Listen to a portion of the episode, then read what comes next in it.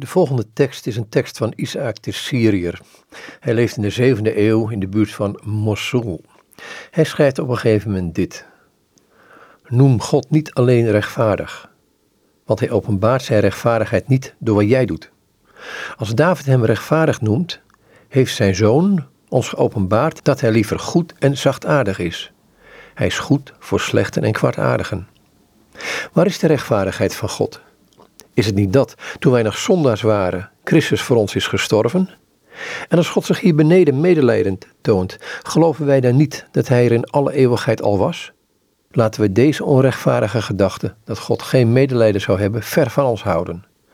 Het eigene van God verandert niet zoals bij de stervende wezens. Er mist niets aan Hem en er kan niets worden toegevoegd zoals dat bij schepselen het geval is.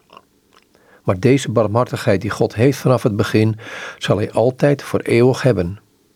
Zoals Cyrillus zegt in zijn commentaar op Genesis: Vereer God met liefde, en niet om deze harde naam van gerechtigheid die men op hem geplakt heeft. Heb hem lief zoals men hem zou moeten liefhebben.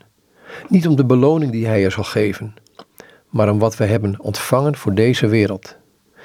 Die hij heeft geschapen om het aan ons te geven wie zou hem iets terug kunnen geven voor wat hij voor ons heeft gedaan? Wat zouden we hem kunnen teruggeven door onze werken? Wie heeft hem vanaf het begin overtuigd om ons te gaan scheppen? En wie bidt tot hem voor ons wanneer wij geen dankbaarheid tonen? Wat is de barmhartigheid van God bewonderenswaardig? Wat een wonder is de genade van God onze schepper. Wie brengt hem eer? Citaat uit een tekst van Isaac de Syriër uit de zevende eeuw.